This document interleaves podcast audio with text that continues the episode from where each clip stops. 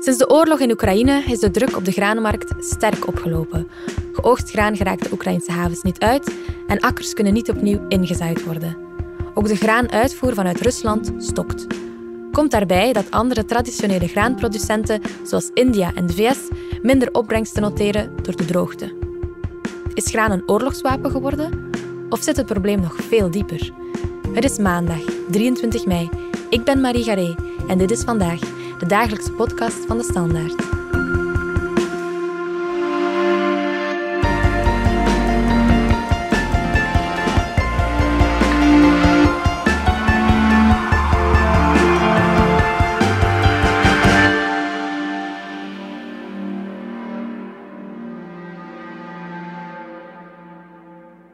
Giselle Nat van onze buitenlandredactie. De oorlog in Oekraïne veroorzaakt niet alleen onrust op de energiemarkt, ook de graanmarkt is helemaal verstoord. Kan je dat eens uitleggen? We zien ruwweg twee factoren die vandaag spelen. De eerste is dat alle grote graanexporterende landen niet de hoeveelheden tarwe verkopen die ze normaal verkopen. En al zeker niet aan de normale prijzen. Daaruit blijkt opnieuw hoe afhankelijk onze voedselbevoorrading is geworden van een paar cruciale spelers. Een tweede factor is dat alles wat je nodig hebt om, om tarwe te kweken ook duurder is geworden. Met name kunstmest, eh, diesel, maar ook bijvoorbeeld propaangas om eh, de voorraden na de oogst te drogen. En dat drijft natuurlijk de prijs op, maar een nog veel belangrijker verborgen risico is dat het producenten ook aanmoedigt om minder te zaaien. Want natuurlijk, als je als boer veel meer moet betalen voor benzine of kunstmest, dan is die meerprijs soms, ja, wordt die niet gecompenseerd door graan. Tarwe is nog altijd een relatief goedkoop bulkgoed. Maar kunstmest, dat is een complex industrieel product dat heel veel energie vraagt om te maken. En dat vaak nog eens geïmporteerd moet worden, ook uit een beperkt aantal landen. En het is daarom dat landen als de VS en India hals kop allerlei subsidiesystemen hebben opgericht om kunstmest naar hun boeren uh, te brengen. En wie zijn die leveranciers precies die ons nu niet meer kunnen bevoorraden? Iedereen kent natuurlijk het verhaal van Oekraïne, verantwoordelijk voor 12% van de tarwehandel. Ja, die akkers raken natuurlijk niet gezaaid door de oorlog en die Oekraïnse schepen kunnen niet vertrekken uit de Zwarte Zee, omdat Rusland die havens blokkeert. Dus Oekraïne zit met overvolle silo's. Daar wordt aan gewerkt om een aantal voorraden toch via spoor en, en andere landen, Roemenië bijvoorbeeld, weg te krijgen. Maar dat zal natuurlijk wegen op de prijs. En je zei het al, de akkers raken nu niet gezaaid. Zal dat dan een probleem zijn voor volgend jaar of voor later op dit jaar? Nu al is de prijscrisis rond tarwe heel groot en de meeste waarnemers spreken nu over jarenlange problemen. Dus volgend jaar, maar mogelijk ook eh, in de periode daarna, alhoewel dat koffiedik kijken is natuurlijk. Ja, en Rusland is ook een grote speler normaal gezien op die graanmarkt. Klopt. Daar kopen we nu ook geen graan meer van. Klopt, Rusland is verantwoordelijk voor 18% van die tarwehandel. En dat is een complex en een beetje duister verhaal wat daar precies speelt. De Russen zelf willen niet meer exporteren naar Europa, laten ook bepaalde producten niet meer vertrekken uit die zwarte zeehavens.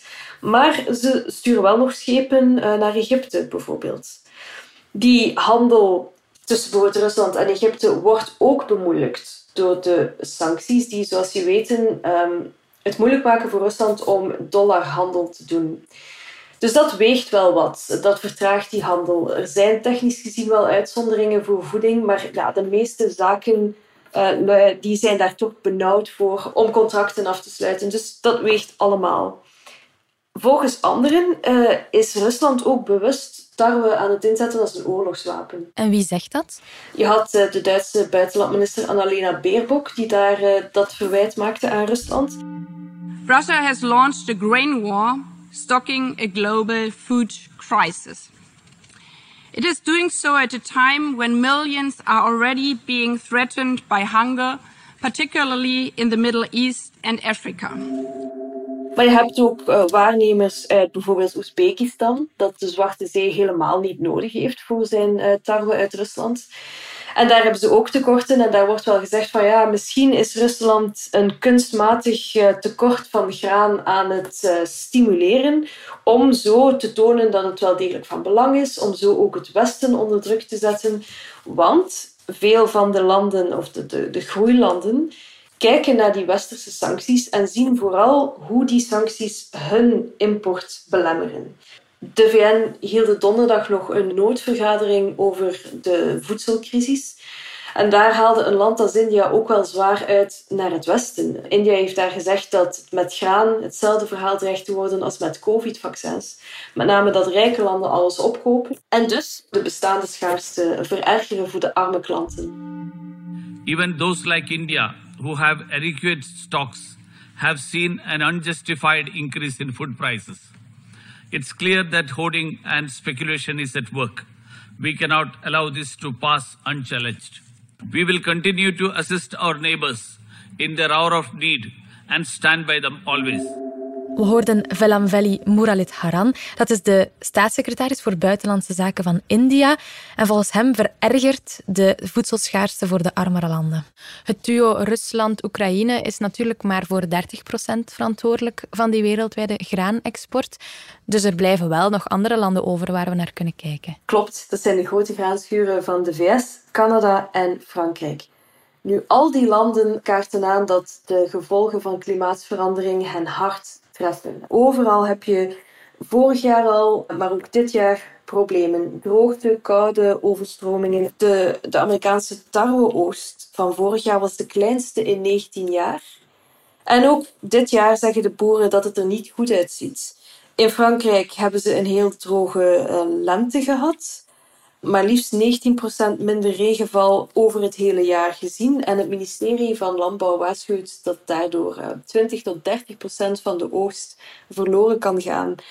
Ten slotte in Canada klagen ze weer over uh, overvloedige regen. En daar zijn er uh, veel minder akkers ingezaaid ook. Dus we worden slachtoffers meer van de klimaatverandering dan van de oorlog? De klimaatverandering is ons aan het inhalen, effectief. Maar er zijn wel nog andere factoren waar de agro-industrie misschien minder graag over communiceert en die echt wel een rol spelen in dit verhaal. Op dit moment is zowat 70% van de handel in tarwe in handen van vier grote westerse bedrijven. Dat zijn uh, Cargill, ADM, Bunge en Louis Dreyfus. Nu, die bedrijven willen natuurlijk ook wel die winstmarges optimaliseren, ook op dit moment. Dat betekent dat ze bijvoorbeeld gaan verkopen aan de klant die het meest betaalt. Dat ze eventueel meer voorraden gaan aanhouden, want je weet maar nooit. En bovendien is dat ook goed voor de huidige prijs.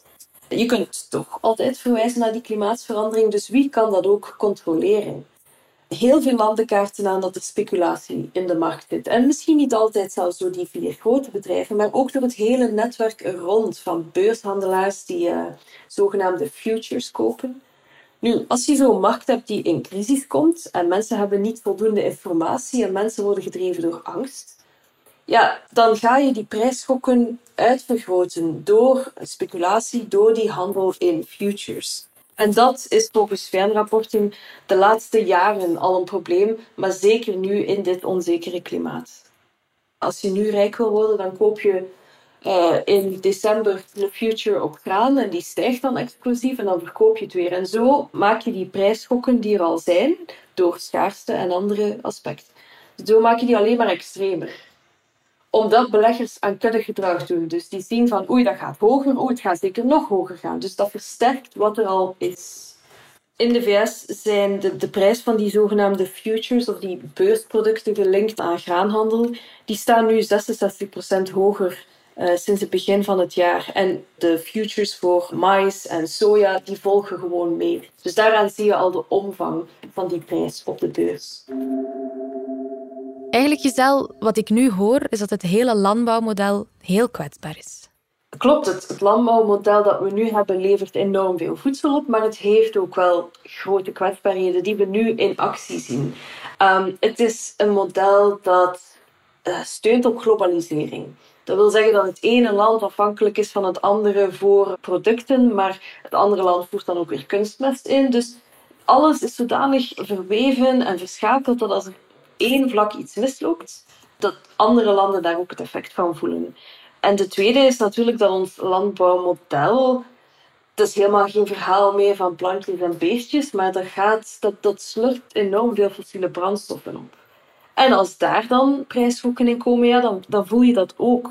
Vandaag praat bijvoorbeeld niemand nog over de periode waarin China uh, energietekorten had en hele fabrieken moest stilleggen. Dat was oktober 2021. Nu, ik heb zelf die mails gezien van handelaars in chemische stoffen die ook vroegen van China, kunnen jullie de faciliteiten heropenen? Hoe zit het met de fabriek? En het antwoord van China was gewoon, ja, we weten niet wanneer we gaan heropenen. Um, want we hebben geen elektriciteit, dus we kunnen jullie kunstmest ook niet op tijd produceren en leveren. En die kunstmest, dat is echt nodig de dag van vandaag. Klopt. Uh, heel veel boeren hebben gewoon ook niet meer de kennis en vaardigheden om het zonder te doen. En ze hebben het ook nodig voor de intensieve monocultuur die ze gebruiken. Dus zonder kunstmest kijken we aan tegen halveringen van de oogsten. Mocht alle kunstmest weg zijn. Op dit moment, naar schatting, is een vijfde van de wereldwijde kunstmest weg van de markt. En dat komt vooral omdat heel wat landen het hamsteren. Rusland is daar vorig jaar al mee begonnen. Met voorbedachte raden of niet, dat kunnen we niet weten. Maar dat geeft natuurlijk ook een enorme prijsschok. Gaan wij dat ook voelen? Ons graan komt voornamelijk uit Frankrijk en ook die calculeren prijsstijgingen in. Dus dat zal bijdragen tot waarschijnlijk wel een algemene prijsverhoging. Ook omdat onze bakkers waarschuwen, ja, het bakproces uh, kost meer, uh, de energie voor de ovens uh, zal duurder zijn. Sommigen zeggen dat ons brood tot 30 cent duurder kan worden en dan komt de magische grens van 3 euro voor een brood wel eh, in zicht. Dat zal voor veel mensen in België ook wel pijnlijk zijn. Maar het kan nog erger dan pijnlijk worden. Uh, als we kijken wat er in het Verenigd Koninkrijk gebeurt met voedselinflatie. Ja, dat noemt de gouverneur van de Bank van Engeland ronduit apocalyptisch. Ook daar zijn er meerdere factoren. Brexit, handelsbeleid, de algemene voedselcrisis in de wereld.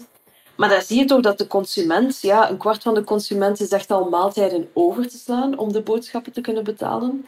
En de prijs van pasta is bijvoorbeeld 10% hoger dan vorig jaar. De prijs van lamsvlees 14%. Um, ehm, dat, zijn stevige, dat hakt er stevig in. Laten we wel wezen, uh, zelfs dat soort situaties is eigenlijk nog klein bier uh, als we vergelijken met de niet-westerse wereld. Dus landen als Turkije, um, maar ook Egypte, ja, daar wordt die prijsinflatie echt wel een kwestie van politieke stabiliteit. Um, de cijfers zijn ronduit hallucinant. Er zijn op uh, dit moment 46 miljoen extra Afrikanen die honger lijden, 57 miljoen Aziaten die honger lijden meer en 14 miljoen mensen in Latijns-Amerika en de, het Caraïbische gebied. Ook het aantal mensen in extreme armoede is gestegen met 77 miljoen. Oké, en hoe geraken we daar dan uit? Vanuit de VN-instellingen komt de waarschuwing dat er eigenlijk geen oplossing op korte termijn is voor dit probleem. Dat zegt ook Antonio Guterres, de secretaris-generaal van de Verenigde Naties. It threatens to tip tens of millions of people over the edge into food insecurity, followed by malnutrition, mass hunger and famine in a crisis that could last for years. Er is geen magische oplossing die we kunnen gebruiken om bestaande tekorten op te lossen, om bestaande prijzen uh, naar beneden te duwen. En dus pleiten sommigen ook wel opnieuw voor een overgang naar een meer duurzamere landbouw. Met bijvoorbeeld meer korte ketens, zodat je die, die, dat enorme verslepen van landbouwgoederen over continenten, zodat je daar tenminste wat op bespaart. Um, en natuurlijk ook naar een landbouwmodel dat ja, minder intensief uh, gebruik maakt van fossiele brandstoffen enzovoort. Maar dat zijn dingen die we niet kunnen op korte termijn invoeren om, om dit probleem op te lossen. Experts spreken dus over een voedselcrisis die lang kan aanslepen. Kunnen wij daar zelf iets aan doen? Bijvoorbeeld in het Westen meer vegetarisch gaan eten, want het is geweten dat heel veel landbouwgrond gebruikt wordt om dierenvoeding te telen. Natuurlijk zou het wel wat helpen als wij in het Westen collectief iets minder dierlijke eiwitten gaan eten dan we nu doen. Maar je moet toch eigenlijk echt wel op dit moment uitzoomen en een systeemperspectief hanteren. Want dit probleem overtreft eigenlijk de individuele keuzes van de consument. De problemen zijn veel structureler. Als je weet dat jaarlijks een derde van de wereldwijde voedselopbrengst verspild wordt, ja, dan weet je dat je daar ook echt iets aan moet doen. Uh, die, die, die, dat verlies loopt op tot 10% van onze wereldwijde eh, CO2-emissies. En met slechts één kwart van al dat verspilde voedsel kan je 900 miljoen hongerige mensen voeden. Maar je moet dan echt gaan kijken van waarom raakt dat voedsel niet naar de consument in de armere landen. Wel, dat is een verhaal van te weinig uh, goede infrastructuur, wegens, havens, gekoelde opslagplaatsen. Maar dat is ook een koopkrachtprobleem. Um, veel mensen kunnen de prijzen gewoon niet betalen. Het is daarom dat grote landbouwlanden zoals India nog altijd jaarlijks enorme voorraden opkopen en die gaan herverdelen gratis uh, onder hun armste uh, bevolkingsgroepen. Dus dat zijn complexe problemen van herverdeling en investering in infrastructuur die, die we moeten doen om dit probleem op te lossen. Een tweede probleem is dat onze landbouw heel erg geconcentreerd zit. Een paar landen zijn verantwoordelijk voor uh, een paar teelten. Maar dat betekent vaak dat ze ook al hun landbouwgrond opofferen aan uh, één teelt. En afhankelijk worden voor hun voeding van andere plekken. Dat is zo in Afrika. Egypte is een voorbeeld van zo'n land dat uh, zijn schaarse landbouwgrond vooral inzet voor katoenteelt. En daardoor dus ook heel veel graan moet importeren uit het buitenland. Nu, die taakverdeling is over de laatste honderden jaren zo gegroeid en dat is zeker niet makkelijk om dus terug te draaien. Maar landen gaan toch allemaal wel meer moeten kijken van, ja, kunnen we die voedselvoorzienendheid, die voedselautonomie toch wat verhogen? Of, of kunnen we afspraken maken met elkaar waardoor dat probleem wat beter gemanaged wordt? We gaan ook echt moeten kijken naar nieuwe gewassen. Nieuwe gewassen die niet alleen gemeenschappen beschermen tegen honger, maar die ook beter om kunnen met de klimaatverandering en die de bodems kunnen herstellen van die monocultuur. Neem een land als Zimbabwe. Daar is mais zowat uh, het nationale dieet gaan domineren. Maïspap wordt daar ochtends, avonds en, en middags gegeten. Maar dat is ook heel eenzijdig. Nu, met nieuwe gewassen, zoals de West-Afrikaanse Bambara aardnoot, kun je dat dieet verrijken. Maar dat gewas is ook veel beter bestand tegen de droogtes die eraan komen. Maar nieuwe gewassen introduceren is echt niet simpel. Je, hebt daar, ja, je moet daar een markt voor creëren. Uh, vaak moet de overheid tussenbij komen om het te ondersteunen. Boeren hebben nieuwe expertise en opleiding nodig. We gaan er denk ik eenvoudigweg niet meer geraken als we alle boeren wereldwijd niet helpen om ja, creatiever en innovatiever uh, aan landbouw te gaan doen. En dat betekent niet alleen investeren in, in hoogtechnologische stallen, maar dat betekent ook wel slim omgaan met uh, diverse teelten, met de grond enzovoort. Op dit moment zijn veel boeren eigenlijk passieve uitvoerders. Ze produceren voor een aantal grote bedrijven die hen dicteren wat het meest winstgevend is. En dat, dat is echt wel een probleem. Ja, dat is dus een behoorlijk takenlijstje en eigenlijk een complete reset, als ik het goed begrijp. Ja, dan lijkt het toch wel op. Um, het beeld, als we uitzoomen en eens grondig kijken naar hoe die handel nu werkt, wordt inderdaad wel heel complex. Eigenlijk moet je zelfs uh, de bestrijding van drugs mee in het verhaal nemen. Want we zien ook in veel landen, van Afghanistan tot en met Spanje, dat schaarse landbouwgrond ook wel vaker wordt ingezet om drugs te telen in plaats van voedingsgewassen. Hoe komt dat? Wel, naarmate die klimaatverandering erger wordt en je dus op hetzelfde stuk land minder kan oogsten, dan wil je natuurlijk het gewas telen dat het meeste opbrengt op de markt. En in Afghanistan bijvoorbeeld is dat dan niet groenten, maar papaver voor de opiumteelt. Zelfs in Spanje worden enorme cannabisplantages dan ontmanteld, waar het gewoon rendabeler is om cannabis te telen dan pakweg sla. Dus de vraag is niet alleen van hoe voeden wij in de toekomst 8 miljard mensen, maar ook hoe voeden wij 8 miljard mensen in een zeer competitieve markt waar die winstprikkels voor enorme impact kunnen zorgen. En dat wordt echt wel een probleem om in de toekomst over na te denken.